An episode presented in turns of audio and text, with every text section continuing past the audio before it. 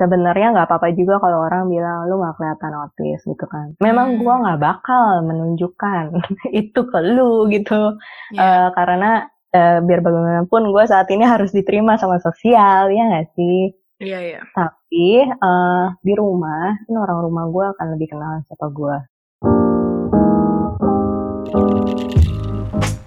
Halo semuanya, selamat datang di podcast Abjad Tersirat dan juga di episode kedua segmen Teman Baru. Nah, di bulan April yang merupakan Autism Acceptance Month, gue ngajakin Juli Putra, teman baru kita hari ini yang akan ngomongin tentang dunia Asperger. Juli ini adalah Asperger atau ASPI wanita yang baru terdiagnosa saat dia berusia 34 tahun. Dan bagi kalian yang nggak familiar sama nama Asperger, Asperger itu sendiri terhitung dalam spektrum autisme. Nah, dengerin obrolan ini sampai habis ya, karena at the end of this episode, Julie akan share pendapat dia mengenai support apa yang bisa kita berikan bagi teman atau anggota keluarga yang menyandang autisme. So, selamat mendengarkan. Nah, itu di Indonesia sendiri tuh ada lembaganya nggak sih untuk cari tahu tentang ASPI itu sendiri? Kalau yang aspi cowok mungkin masih bisa ketolong ya. Lu tinggal ke klinik psikolog aja sih sebenarnya kalau misalnya lu ada masalah sama kehidupan lu ya. Lu mencurigakan diri lu ada something yang different ya. Cuman permasalahannya aspi cewek itu di dunia ini ini sedikit sekali yang konsentrasi bahwa Asperger itu ternyata beda antara cewek sama cowok. Tesnya itu tuh sebenarnya tes yang di, dilakukan itu tuh adalah menggunakan tes untuk autism cowok. Sedangkan Hmm. sebenarnya autism cewek punya trait-nya sendiri lagi. Di artikel gue udah gue tulis gitu ya. Dikit banget orang yang memang bisa bedain Asperger cewek sama cowok. Nah, gue kenapa sih nulis mulu atau gue sekarang kalau bisa sharing di sini eh, kita tuh perlu awareness lagi gitu ya soal Asperger. Iya. Di psikolog Indonesia masih kurang sensitif soal Asperger cewek sih. Makanya gue ngambil oke. tesnya di mana? Gue di Kanada, bukannya mau sok kaya. Gue capek, gue di salah diagnosa Iya. mulu. Karena emang lu udah cobain kan, waktu itu kan lu kan kasih tau gue yang Iya, udah setahun ya lu nyari terus iya. kayak lu coba dibilang eh, Skizoid skizo- gue. iya skizoid dibilang kurang beriman tuh paling lucu sih apa apa kurang beriman apa sih si Diva ini kurang beriman apa lagi Gila ya lu, gue tinggal di gereja coy. makanya gue kayak yang bener nih orang Iya. Sebenarnya nggak apa-apa juga kalau orang bilang lu nggak kelihatan autis gitu kan. Memang Hmm. gua nggak bakal menunjukkan itu ke lu gitu, ya Eh, karena eh, biar bagaimanapun gue saat ini harus diterima sama sosial ya nggak sih. iya iya Tapi eh, di rumah, ini orang rumah gue akan lebih kenal siapa gue. Yang Hmm. kedua, ketika on meltdown state atau depresi itu yang akan membedakan antara kenapa apa ya, misalnya introvert ya introvert yang lagi butuh sendiri sama yang gue overwhelming banget. Kita tuh masalahnya nggak tahu perasaan kita gitu itu itu yang masalah utama. Jadi kadang-kadang gue nggak tahu apa yang gue rasain nggak nyaman eh, capek gue cuma nggak bisa ngomong aja udah diem. Nah itu ada masa-masa seperti itunya yang mungkin kan nggak nggak semua orang tahu gitu kan. Iya, iya, iya. Kalau autism itu kan seperti yang tadi lu bilang itu sebenarnya lebih ke isu dalam development issue. Mm-mm. eh, dalam hal berkomunikasi. Kalau boleh untuk bikin klarifikasi sih dan penjelasan lebih sedikit, bedanya apaan iya gitu itu ya? apaan sih? Kayak untuk orang yang kayak lu orang dari tadi ngomong apa sih gitu. Jadi sebenarnya sekarang nama Asperger udah nggak ada. Oh iya. Kalau di klinis gitu kan, kalau di jadi ada buku panduan buat orang-orang psikologi gitu kan untuk kasih tahu kamu tuh punya illness atau disorder tuh eh, mentalnya di mana itu ada DSM namanya kan. Sekarang bukunya namanya DSM-5, nama Asperger udah nggak ada karena Asperger masuk ke dalam ASD, Autism Spectrum Disorder. Jadi sebenarnya Asperger adalah bagian dari autis. Kenapa disebut ASD? Ya itu spektrum. Jadi spektrum tuh luas banget. Misalnya makanya kemarin stigma orang autis kayak gimana sih? Itu loh yang suka jeduk-jedukin pala. Itu kan stigma orang umum tentang autism kan se- sebegitunya. Nah, autism ada high function. Jadi dibedain antara low sama Hmm. high. Apa sih low sama high? Dua-duanya sama-sama dalam hal autis, tapi functioningnya itu yang dibedakan. Jadi gue sebenarnya tetap functioningnya nggak well, tapi ada bagian-bagian yang kita tuh ada yang off tadi itu. Hmm. Nah, yang high function kita nggak perlu banyak bantuan. Itu yang dibilang sebagai high function. Hmm.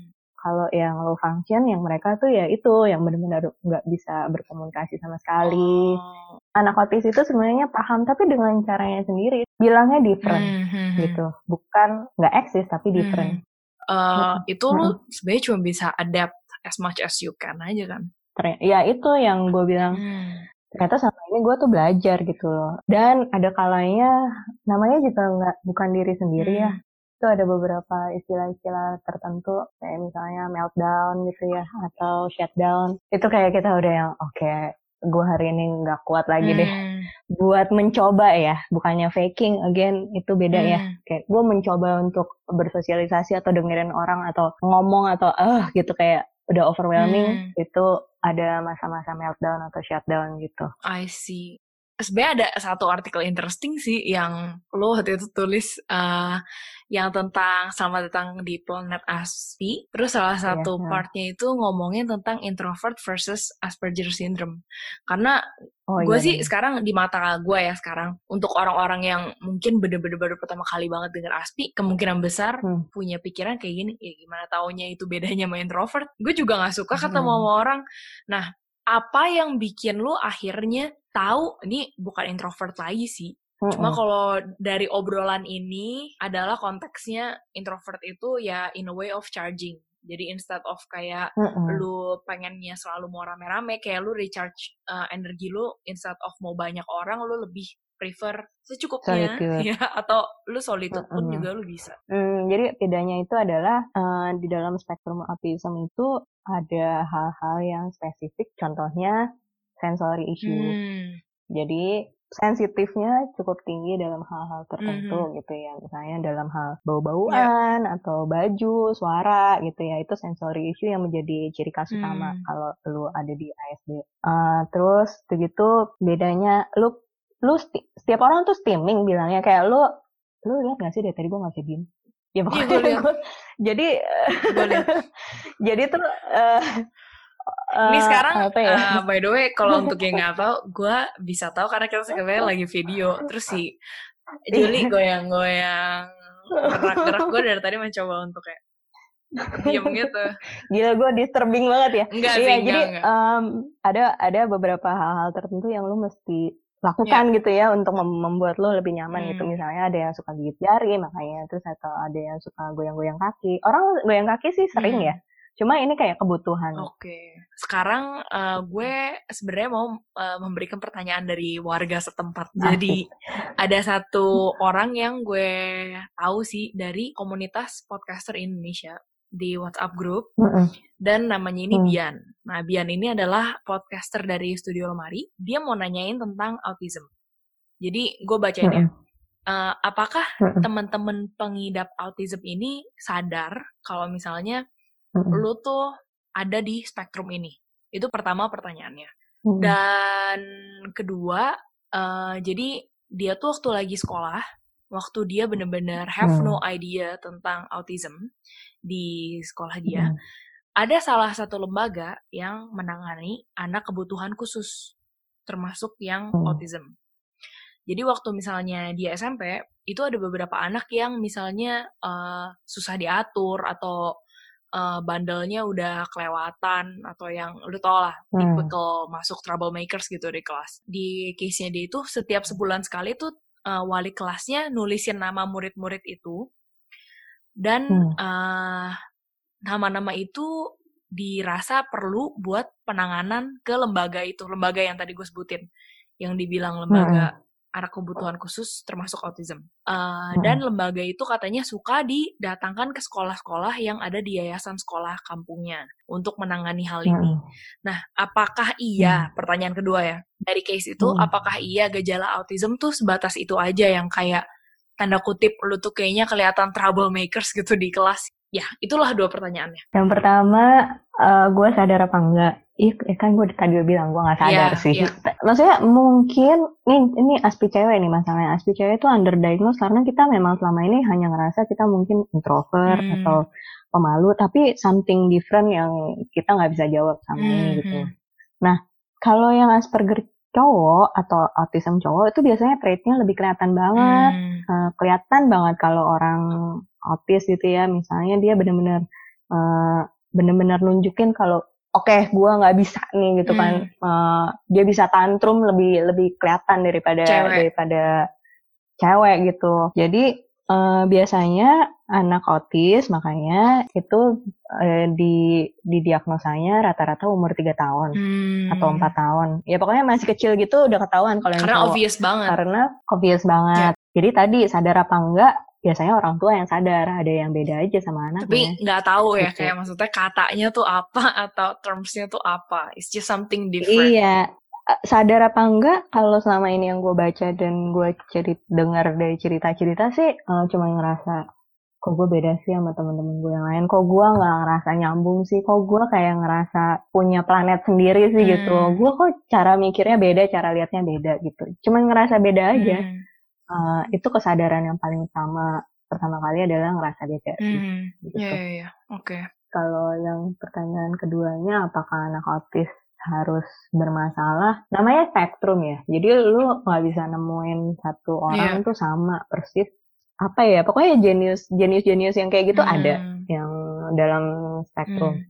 tapi ada juga yang um, karena dia mungkin nggak bisa nahan dirinya sendiri untuk nggak meltdown atau tantrum kali ya. hmm. ya. Dan nah permasalahan utama dari anak autis di sekolah itu di sensory issue-nya justru. Oh. Karena dia mungkin dari suara, dari bau, dari itu mengganggu sekali dia di kelas gitu. Itu tuh karena dia nggak tahan biasanya dia jadi tantrum. Dan juga yang gue nangkep ya maksudnya karena juga kan uh, berada di uh, cara pandang yang berbeda dari anak-anak pada hmm. umumnya. Hmm. Jadi mungkin juga mereka jadi tantrum bukan karena mau mencari masalah, tapi memang juga nggak ketemu cara apa ngomongnya yang... tuh hmm. apa gitu loh kayak. Betul. Iya oke okay, oke. Okay.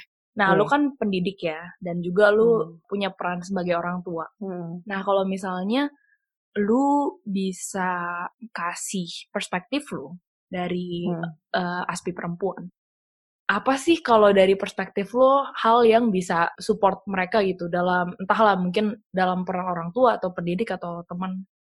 Eh, uh, gue pernah dengar jawaban ini sih dari bukan gue ya dari Mas Ananda ya, karena hmm. dia yang paling berasa banget waktu kecil uh, kesulitan banget ya. Misalnya kayak Eh sorry, uh, boleh kasih tau nggak Ananda itu siapa sih? Jangan-jangan mereka pikir itu suami lo lagi. Gile, bukan bukan. Makanya. Suami saya namanya Indra Widya Arianto. Makanya klarifikasi Ananda Soekarno klarifikasi. siapa? Ananda Soekarno bukan suami gue, Ananda Soekarno suaminya orang, dia komponis dan kom dia komponis, pianis.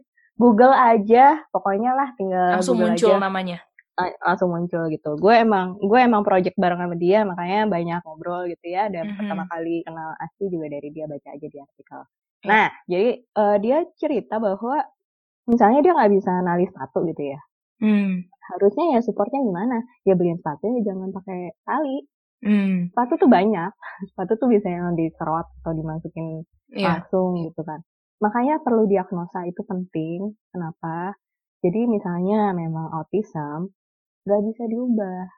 Itu bukan sesuatu yang lu paksa sebenarnya. Buatlah mereka jadi diri mereka sendiri itu yang paling tepat sih. Hmm. Misalnya baju tuh kalau dulu kayak nyokap gue tuh repot banget semua baju gue mesti dicopot tuh tagnya. Sensory issue itu kan beda-beda. Nah kalau hmm. misalnya baju tag itu tuh sebenarnya ada yang sensitif banget kayak gue ada yang biasa aja. Nah kalau hmm. yang baju hmm. princess zaman dulu kayaknya emang murahan kali ya kita belinya ya, jadi iya. gatel. Kainnya nah, berbeda nah, cuy gatalnya kayak gitu ya udah uh, kalau udah tahu nggak bisa pakai jangan dipaksa pakai gitu loh. Hmm. jadi apa sih yang bisa dibantu? Pertama lu tahu dulu nih anak permasalahannya di mana? Nggak semua anak bermasalah autis kan? Kan hmm. ada macam-macam attention deficit disorder. Gue ada ADD ternyata. Cara yang paling bisa lu bantu pertama pastikan dulu dia di uh, disordernya apa gitu kan? Hmm Nah, kebutuhan dia dilihat. Jadi bukan manjain ya, tapi hmm. mengurangi kesulitan. Hmm. Tuh, jadi masalah sensori suara misalnya udah tahu dia sensi banget taruhnya agak belakang mungkin atau oh, oke okay. atau ya dia misalnya sensori sama bau ya lu jangan pakai parfum nyong nyong gitu misalnya di kelas kan suka ya ibu-ibu zaman gue sekolah sih gue nggak tahu tuh sekarang masih enggak parfum yang saya enak apa pun ibu pikir ternyata tidak enak gitu kan. Nangis lagi bau parfum pempek cuka lagi taunya. itu mah kalau gue guru jadi guru gue pakai parfum itu. Terus iya udah sih eh, kurang lebih jadi kalau hmm. pengen support ya caranya gitu. Terus lu ada project sampingan nggak? Atau misalnya uh, lu kan sering collab sama Ananda Sukarlan. Iya iya.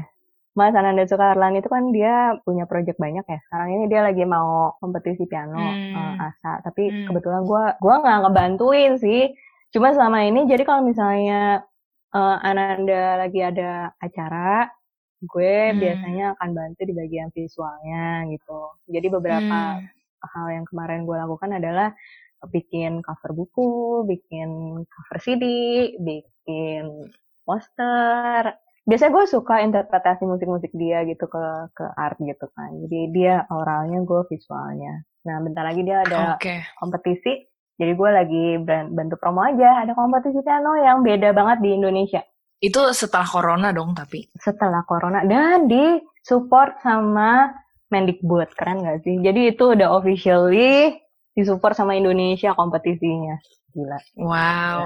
keren. Ya. Kenapa gue mau sharing ini ya soal kompetisi piano walaupun gue gak main piano? Jadi karena kita sama-sama asli dan kita pengen hmm. pengen banget bahwa dan sama-sama orang art, kita pengen banget orang tuh bisa nunjukin dirinya mereka apa adanya kompetisi hmm. dia ini beda bangetnya adalah dia itu minta anak-anak untuk bisa nunjukin siapa dia. Jadi bukan lagi kalau dulu kan mesti lu mesti mainnya gaya si A, gaya si B enggak. Justru ini bedanya adalah iya, bener. lu menang kalau lu bisa nunjukin lu siapa gitu. Jadi itu beda banget sih menurut gue. Bagus sih, itu eh, juga bakal ngubah culture competitionnya sih. Betul, itu beda banget. Ya itu satu hal yang revolusi sih menurut gue ya bisa dapat infonya dari mana? Ikutin aja Instagram gua, Instagram dia. Kita kadang-kadang suka sharing soal Aspi juga kan. Di Twitter lebih bawah oh, iya, sih. benar-benar. Hmm. Oke, oke. Jadi Twitter lo apa? Juli Putra.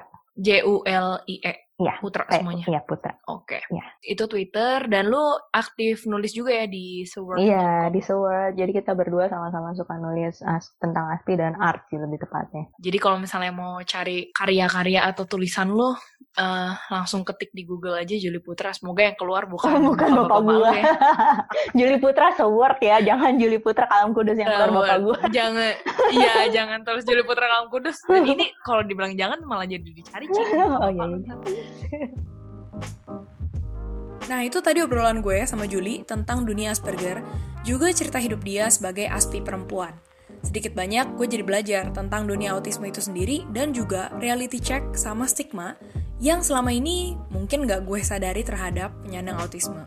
Nah, semoga kalian juga mendapatkan sesuatu yang sama seperti gue. Dan jangan lupa untuk share ke teman-teman kalian yang mungkin membutuhkan untuk dengerin ini. Podcast Abjad Tersirat bisa kalian dengar bukan cuma di Spotify, tapi juga di Anchor, Listen Notes, dan Apple Podcast. Jangan lupa untuk follow podcast ini ya, juga Instagram gue di @abjadtersirat. Bye!